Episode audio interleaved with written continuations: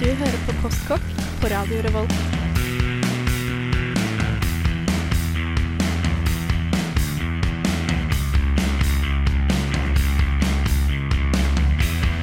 Mm, postkokk.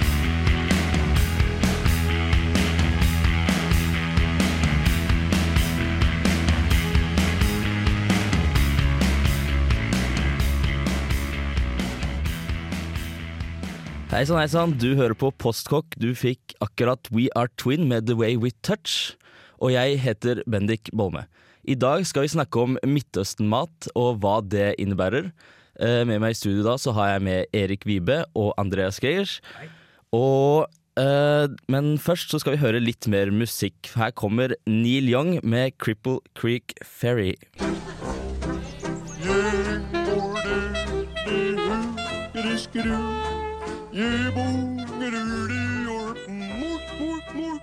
Nå hører du på Postkokk!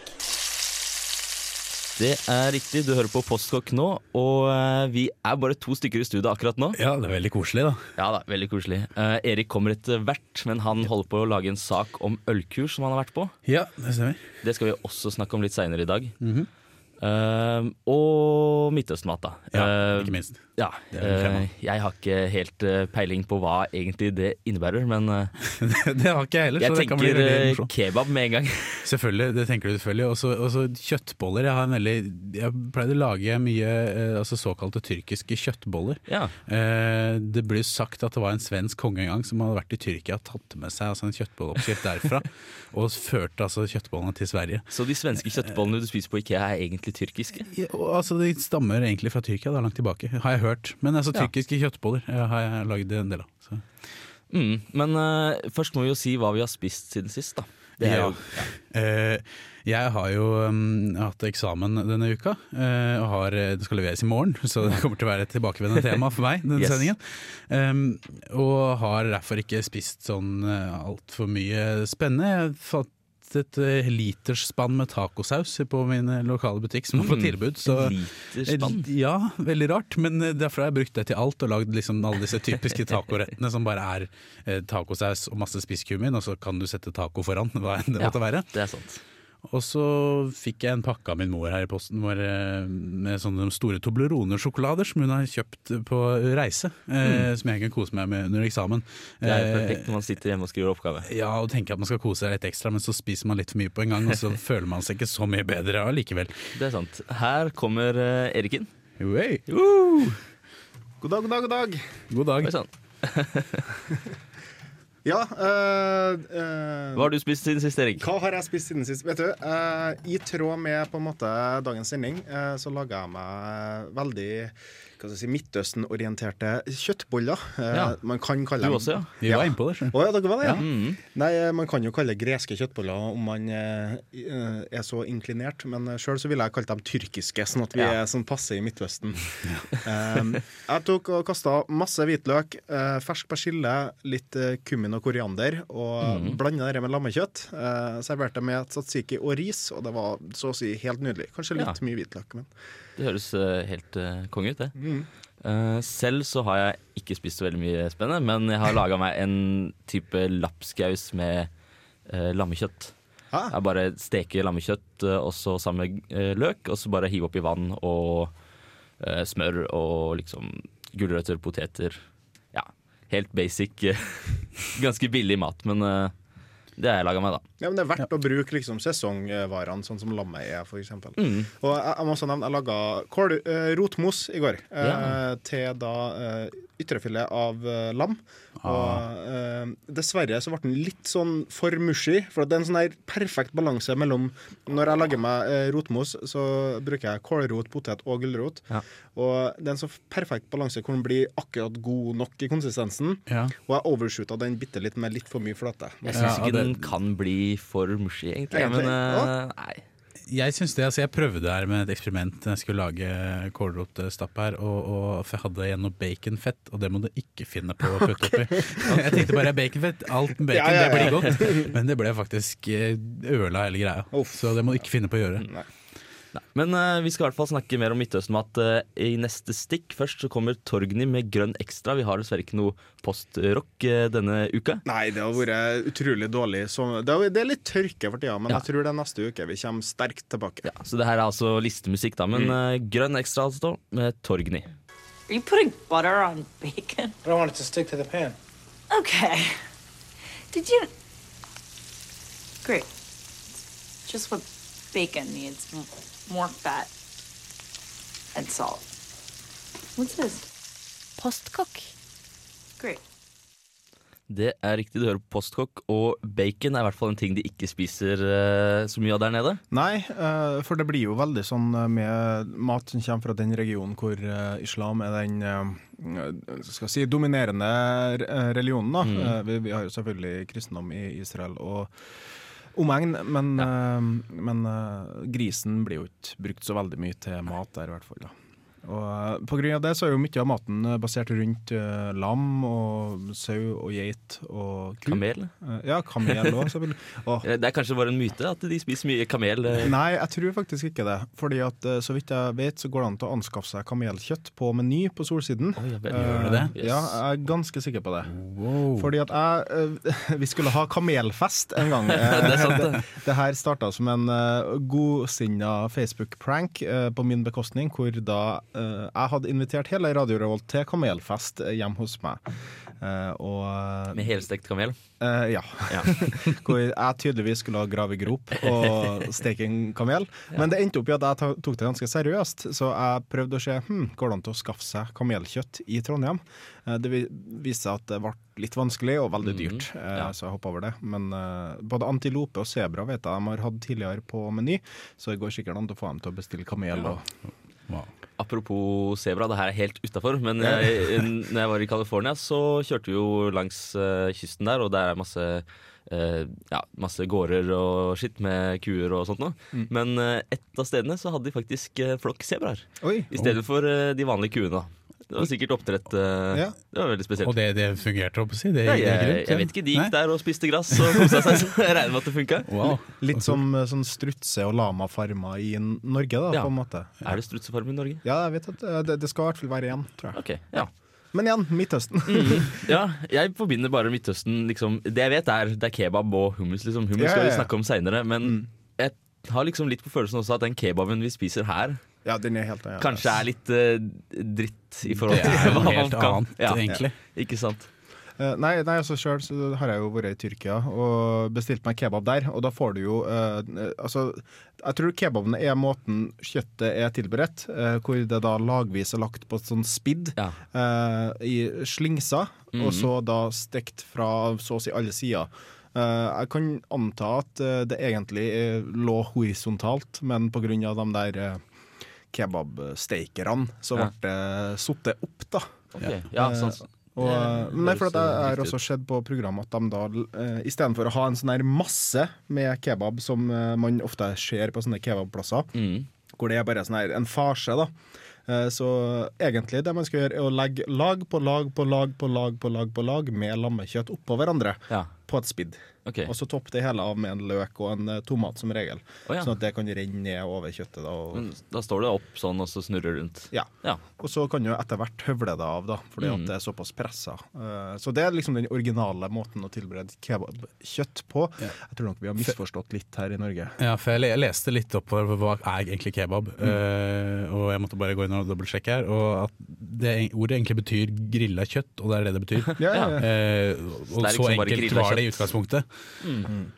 Nei, og man har jo masse også sånne Det er mange ingredienser vi ikke bruker, eller i hvert fall ikke er flinke til å bruke. Så de bruker i Midtøsten. Ofte da linser og linsebaserte supper istedenfor poteten som vi bruker opp her. Ja. Og kikerter, eh, derav hummus og sånne ting. Og jeg vet ikke, Det blir spennende å se hva vi egentlig vet om dette. For uh, Det er det vi prøver å finne ut. eh. så har ikke jeg så mye erfaring utover den da erketypiske kebaben. Nei. på en måte. Fins det noen, vet dere om det finnes noen restauranter som serverer liksom eh, Midtøsten-inspirert sånn autentisk mat her i Trondheim? Det er en gresk en, eh, vet jeg. Ja. Men uh, utover det, så Det er jo det er kanskje litt det samme, men det er jo ikke helt eh, Nei. Nei. Det er ikke Midtøsten, på en måte. Nei. Nei, jeg, det, Men i hvert fall ikke komme og si det til noen fra Hellas, tror Jeg jeg. tror ikke det. Nei, det blir upopulært. Vi, vi snakka jo også om det med hummusoppskrifta. Mm. Eh, fordi at eh, Israel har én, og Palestina har én. Og hvis Ja. du prøver å servere den ene måten til den andre, så blir det ramaskrik. Skal, vi skal snakke litt mer om det seinere òg, tenkte jeg. Når vi tar uh, ukas nasjonalrett. 10. oktober inviterte Uka til ølkurs på Strossa. Ølkurset ble ledet av ukas egen bryggemester Ulrik. Gjennom kurset fikk de rundt 25 øltørste deltakerne smake på sju forskjellige typer øl, samt få en god og enkel gjennomgang på hvordan en brygger sitt eget øl, og hvordan de mest kjente øltypene blir brygga og smaker. For en smake på øl på ølkurs. Kurset var underholdende, og bryggemesteren gjorde det interessant nok både for dem som hadde grei kunnskap om øl inn allerede, samt spennende for dem som smakte sin første IPA denne kvelden. Undertegnede fikk dessverre ikke smak på noen av ølene, men fikk gleden av å sitte i et rom med 25 andre mennesker som fikk meske seg med sju spennende ølsorter etter en åtte timers arbeidsdag, samt legging av to barn med brannkopper. I tre timer. Kurset starta med en gjennomgang av råvarene som trengs for å lage god øl. De heldige drikkende deltakerne starta med å smake på ølet, og hvordan en gjør det. Det neste er selvfølgelig å smake på det. Og da er det to ting vi ønsker å legge merke til. Det er selvfølgelig smaken, men eh, minst like viktig er munnfølelsen. Altså fø hvordan føles det fysisk i munnen? Er det liksom silkebløtt? Er den veldig tynn og runny? Hvordan føles viskositeten? Hvordan er karboneringen? Er det syrlig? Er det søtt? Er det bittert? Sånne ting. Det er da på en måte, i tillegg til smaken ganske viktig, og det er veldig, veldig viktig på hvordan på måte, hele ølet føles, hvordan det faktisk føles i munnen. Og det siste som jeg liker å fokusere på, er eh, bare hele opplevelsen. Og det er summen av alle de fire første punktene og på en måte omgivelsene rundt. Og det er jo da kjempesubjektivt. ikke sant? Et øl smaker annerledes på konsert eller om du sitter alene hjemme. Så gikk de videre til kveldens øl. Det er eh, syv stilarter i eh, dagens smaking. Vi skal begynne med en Hefeweizen som kommer nå ganske snart. Så er det en amerikansk pale ale, en saison fra Belgia. Eller den er ikke fra Belgia, men det er en belgisk stil. Eh, en dobbeltbock, som er en tysk stil. Eh, så kommer det en eh, urpremiere på en sprø greie som jeg har laget selv, som selges i daglighandelen fra og med i dag. Det er en skotsk wee heavy whisky barrel-aged greie. Jeg, jeg håper den er veldig god. Jeg har ikke smakt på den selv på et par måneder, så det blir bra. Eh, så skal vi ha en Imperial Porter og til slutt selvfølgelig en IPA. Alle som er litt glad i øl, er glad i IPA. Det skal vi ha. Bryggemesteren delte også bransjehemmeligheter, og de drikkende deltakerne skårte glad og fornøyd. Det er å måte, slutte å snakke en gang iblant, så dere faktisk får drukket. For nå sitter dere og følger med alle sammen. Eh, og det andre er å skåle jevnlig, sånn at vi har det hyggelig sammen. Så det kan vi gjøre først. Vi kan skåle. Skål. Vi kommer på kurs. Og så smaker vi. Og så kom vi til ingrediensene. Om det hadde Ulrik følgende å si. Om malt, Eh, smak for guds skyld på det. Det smaker kjempegodt. Det er litt sånn snacks. Du kan bruke det istedenfor chilinøtter på fredagskvelden hvis man er litt rar. Det gjør jeg noen ganger. Eh, ikke smak på humlen. Det er ikke farlig, men det smaker litt eh, Det smaker litt spess, men det lukter godt. Malt er i prinsippet bare hvilken som helst type korn som har gått gjennom maltingsprosessen. Typisk nok er det bygg, som ble nevnt her. Det er det som brukes i så å si alt øl, men vi har også hvete. Eh, og egentlig hva som helst kan brukes. Rug, havre, ris, mais, sorghum, you name it. Eh, så lenge det bare har blitt malta, så kan vi bruke det i øl. Maltingsprosessen er i prinsippet bare at når det er høsta inn av bonden, så putter man det i vann og lar greiene begynne å spire. Og da tenker planten yes, vann, det blir bra. Nå gror vi en ny plante. Eh, og den begynner å gjøre om masse, masse stivelse om til forskjellige sukkerarter for å forberede seg til å lage stilk og blader og alt mulig rart. Eh, og det er bra for oss, fordi sukker er det vi vil ha i ølet. Så er trikset da å stanse den prosessen før planten faktisk går for langt og blir en ny plante. Og det gjør vi ved å putte det i en ovn. så var det jern, Det tredje er gjær. Og ølgjær er i prinsippet bare en celle, eller en sopp egentlig, som heter Saccharomyces cerevisiae. Den er veldig veldig flott, fordi den er veldig veldig glad i å spise sukker. Og det den eh, kaster fra seg, det er alkohol og CO2. Det er bra for oss, for da får vi øl. og til slutt vannet. Vann er selvfølgelig ikke bare vann. Det er en grunn til at forskjellige øl har utviklet seg på forskjellige steder i verden. Det er delvis hva for noe råvarer man har tilgjengelig, delvis politiske forhold øh, og den slags. Men øh, også veldig utslagsgivende har hva slags vann de har hatt, vært. Um, hva slags mineraler du har i vannet, påvirker hvordan jern jobber uh, i veldig stor grad. Det påvirker også ting som pH-en i, eh, i mesken, som vi skal snakke om etterpå, som påvirker eh, hvilke sukkerarter du får og sånne ting. Så hva slags vann du har, er veldig veldig kritisk for hva slags øl du kommer til å ende opp med. Eh, de fleste har sikkert hørt om pils. Det er en veldig vanlig ølstil. Og vårt kjære Jonsvann. Her i Trondheim Jonsvatnet har vi vann som egentlig er ganske likt det tsjekkiske vannet. Det er veldig veldig bløtt og uten egentlig noe særlig. Så hvis jeg skal brygge en IPA eller noe sånt med vannet her, så burde man tilsette litt kjemikalier. Da kan man være litt sånn Breaking Bad og putte sånne kokainlignende greier oppi vannet sitt og røre litt rundt. Eh, Det er veldig moro men, eh, og ser bra ut, men eh, også veldig veldig viktig for å få humlebitterheten fram og, og for å få eh, jern og sånt til å jobbe på den måten. Følg med videre på Postkokk for neste del av ukas ølkurs, hvor selve brygginga blir beskrevet. Og deltakerne av kurset drikker mer spennende øl. Journalisten var selvfølgelig på jobb og kunne gi en edruelig betraktning av hvordan deltakerne trivdes under kurset. Here you will find food for your body, as well as comfort for your troubled mind.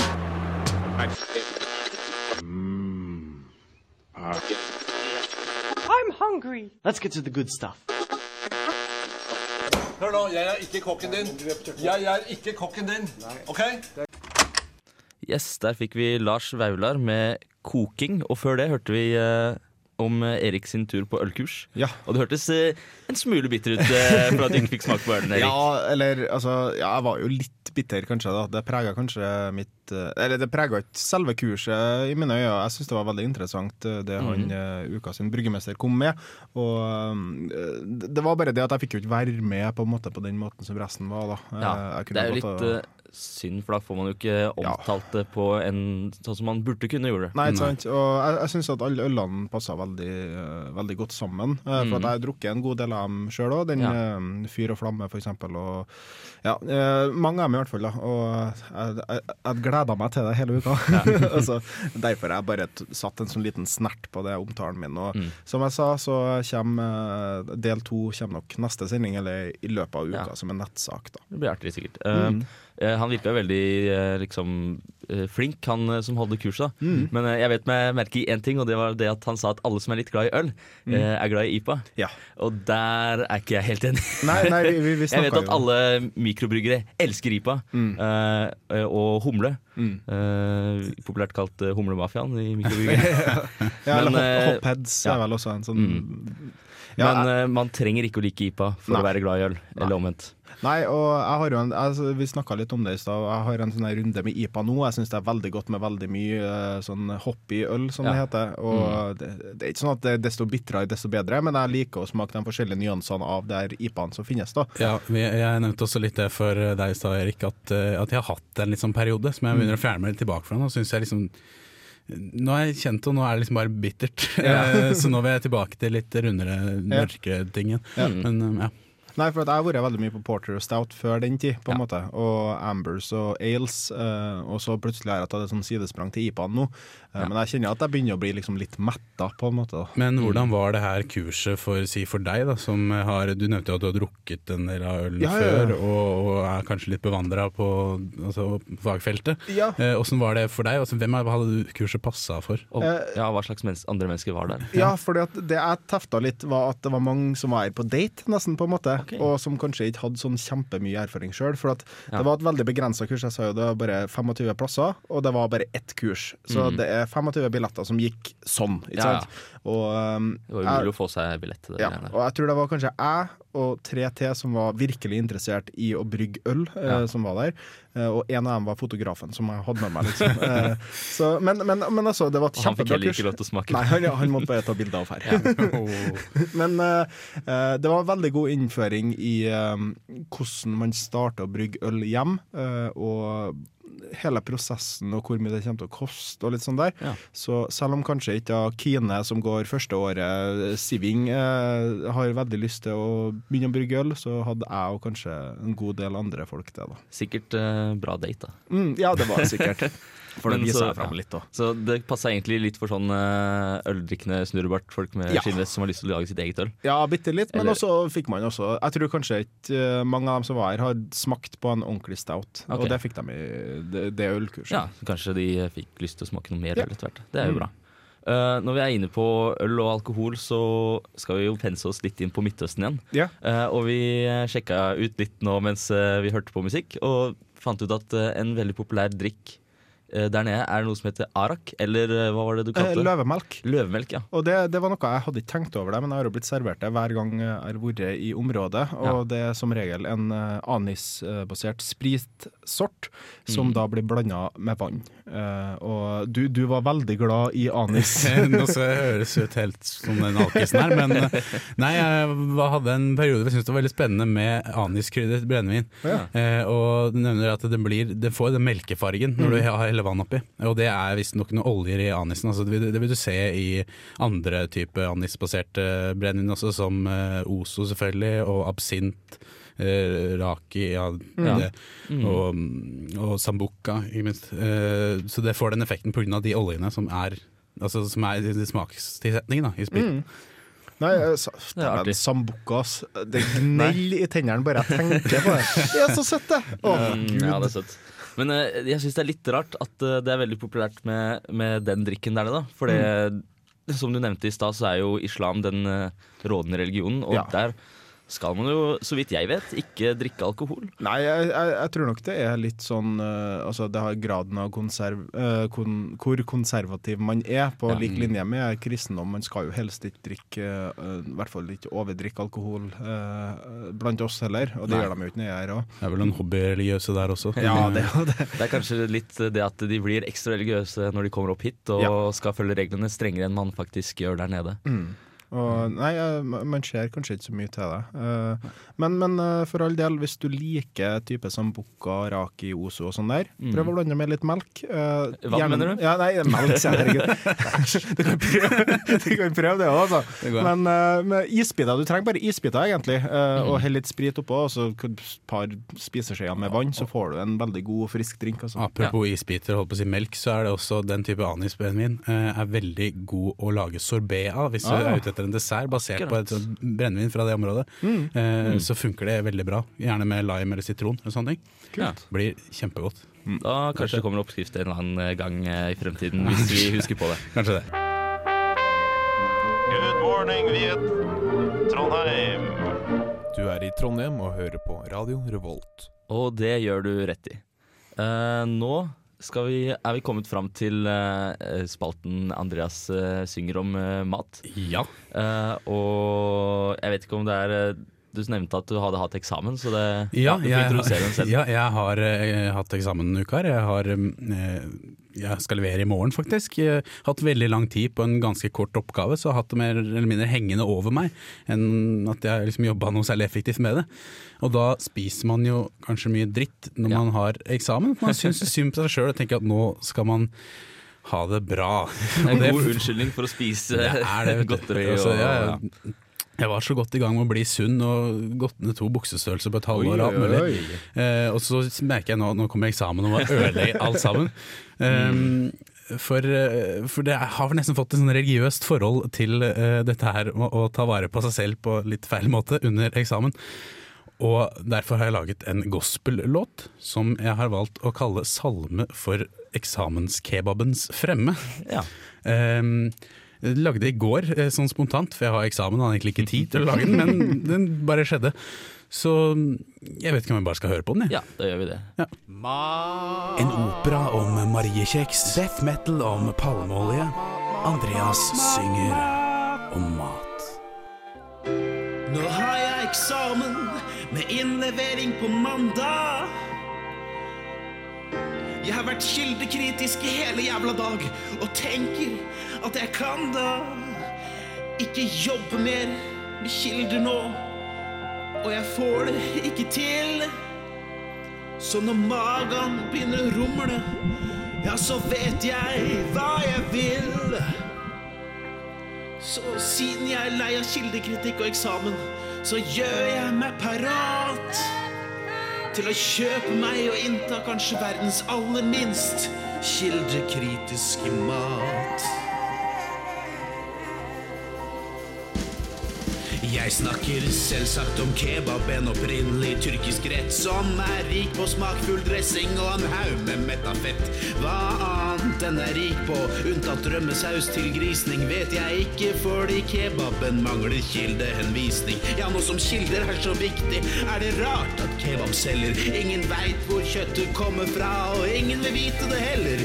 For de sier det er lam, men det kan være hva som helst. Katte, kråke eller ilder, samme det, for jeg er frelst. Tar jeg eksamen og en kebab, det går det lettere for meg. For skal man skrive tusenvis av ord, er det lov å kose seg. Selv om skammen alltid kommer når siste bit glir ned. For jeg veit det ikke er sunt, men jeg spiser det for det. For jeg veit, ja, jeg veit,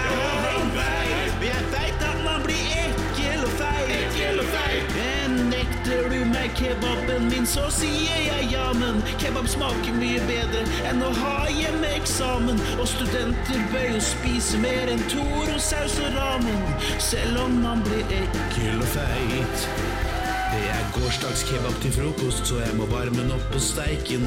Og skyller den ned med frokostjuice og nystekt egg og bacon. Og når frokosten er nede og magen blir litt laus, så hiver jeg ned lunsjen som er bab med medium saus. Og til middag blir det kebab med en diger cola til, for nå har jeg eksamen og spiser kebab når jeg vil, for det er ikke noe. Ikke noe, ikke noe.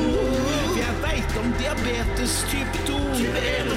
Og jeg veit man kan få sjukdommer av junkfood over floden.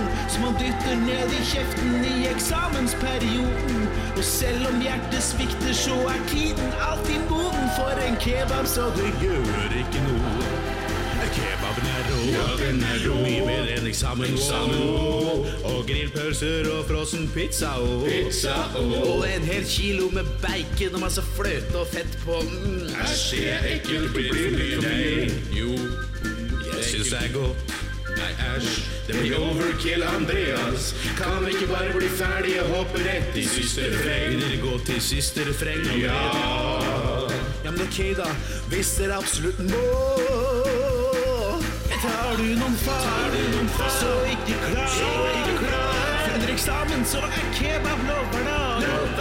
For eksamen er så kjedelig, og da trenger man trøst. Og kan stappe i seg drit, bare fordi man har lyst. Så drit i at du får hjerteinfarkt opp neste høst. Du har eksamen, og kebab er lovhverdag. Kyballer. Froskelår. Irland. Zimbabwe. taffelspitz, Kimchi. Haggis. Den skal koke i tolv timer. Fårikål. Hot cuisine. Ukens nasjonalrett.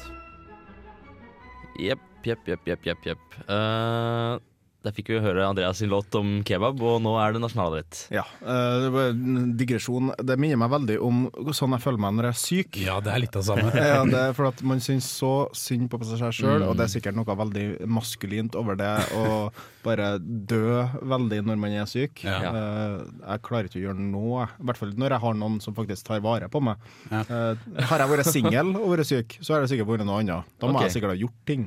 Men ja, jeg, jeg fungerer ikke. eh, Du bare ligger på sofaen Ja, og ja, Mm. Men ukas nasjonalrett uh, i dag, eller denne uka, er hummus. ja. Eh, og det er jo en veldig Midtøsten-ish Mm. Rett, sånn som jeg Jeg tror i hvert fall det. Ja, hva er det? Uh, jo, det Hæ? er eh, egentlig bare en mos av kikerter. Mm. Uh, jeg kan jo fort ta oppskriften, for det er veldig enkelt. Ja.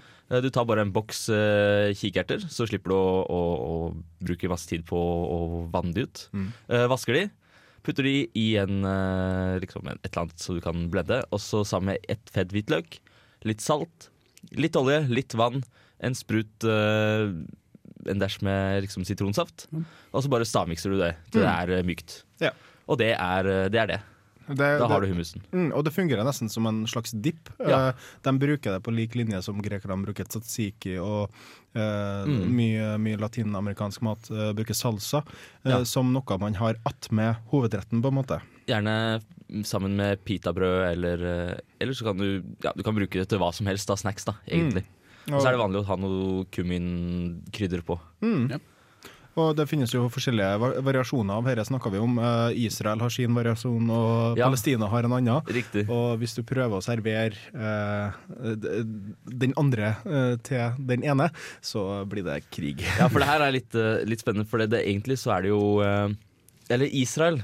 Det er liksom en nasjonalrett i Israel, da. Mm. Men eh, bl.a. blant annet Palestina og, og Iran og sånn er jo veldig veldig sure for at israelerne har stjålet retten Mm. deres. Mm. For den, den er jo liksom ikke noe Den er ikke jødisk eller muslimsk, den er derfra. Mm. Uh, og den er, eh, så de, de mener at eh, israelerne har stjålet den da Ja. og markedsført den som sin egen, og mens egentlig så er den uh, ikke deres. Eh, så de krangler veldig mye om det her, men ja. Det, det er godt med hummus. er Det er godt. Jeg vil også anbefaling hvis du har lyst til å begynne å begi deg ut på kikertens og bøndernes verden, Mm. så er det en god investering å kjøpe seg en trykkoker. For Jaha. den tar og kutter ned både den vanningstida, jeg tror ikke du trenger å vanne ut uh, kikerteren, okay. eh, eh, og uh, koking av bønner, som som regel tar veldig lang tid, tar og kutter ned med ja, jeg tror det er en halvparten av tida, om ikke ja, to tredjedeler av tida. Ja. Uh, på grunn av eh, den høye Ja, du får rett og slett en annen måte å lage maten på, og kikerter blir mye fortere ferdig uh, hvis du bruker en trykkoker. Så Ja. sjekk litt ut på det. Smart tips. Ja. Og enda enda en ting. Uh, jeg sa at jeg laga kjøttboller. Ja. Og med dem så laga jeg et satsiki, så jeg tenkte bare jeg skulle ha tatt den oppskrifta ganske kjapt òg. Uh, kjøpte jeg uh, en sånn her boks med matyoghurt eh, og en agurk. Slangeagurk, hvis du finner det. Rasp opp slangeagurken, ha på litt salt og bare trykk den gjennom ei sånn sil eh, til du får ut så mye vann som du orker å ta ut av den. Ja. Eh, bland dette med yoghurten, et hvitløksfedd knust og salt og pepper. Og du har mer eller mindre uh, Skal det stå? Eh, ja, ja, eller er du ja, ferdig med en gang? Jeg spiste med en gang. og Det går an å spise med en gang, men jeg har veldig god erfaring med å bare la det stå i 24 timer. Ja, ja, såpass, ja. Ja, ja, men da setter virker det ordentlig, og da Mm. blir det veldig, veldig godt. Ja. Så der har du i hvert fall hummus og tzatziki. Ja, Tzatziki er jo kjempegodt, det også, Mm. syns jeg. Jeg kan spise det på omtrent hva som helst. På Brødskiva. Ja? Eh, brødskiva med uh, skinkeskive over. Bare, ja, det er kjempegodt. Men ikke snakk med så veldig mange hvis du bruker to hvitløksfedd, sånn som jeg likte å gjøre. Da Da ble det veldig mye hvitløk Ja, plutselig. den hummusen jeg pleier å lage, blir også ofte ganske hvitløksbasert. Mm. Uh, så du, du, du smaker det godt, altså. Ja. Men eh, Ja, faen, hva jeg skulle si nå? Eh, Et enda tips angående mat derfra er jo couscousen. Uh, Ja. the, the food so delicious you say it twice. Uh, Mm. og den tar til seg utrolig mye smak, kjempelett, og den er ferdig på null komma svisj. Hvis du, vil ha, hvis du ikke skjønner hvordan du skal lage couscous, tenk deg det her. Ta ett glass couscous og ett glass vann. Ja. Kok opp vannet først, hell couscousen oppi, Mm. og bare dytt den av plata. La det stå i ja, fem minutter, så er jeg ferdig. Hvis du spiser det også med noe appelsin eller mandarin i blander, og så f.eks. Uh, tzatziki, da. Mm. Kjempegodt. Mm. Men vi må faktisk videre. Vi er nesten eh, tom for tid. Her får vi eh, Arctic Monkeys med Arabella. Uh, og ja, neste stikk skal vi bare snakke om hva vi skal gjøre neste uke, og få avslutta dette her.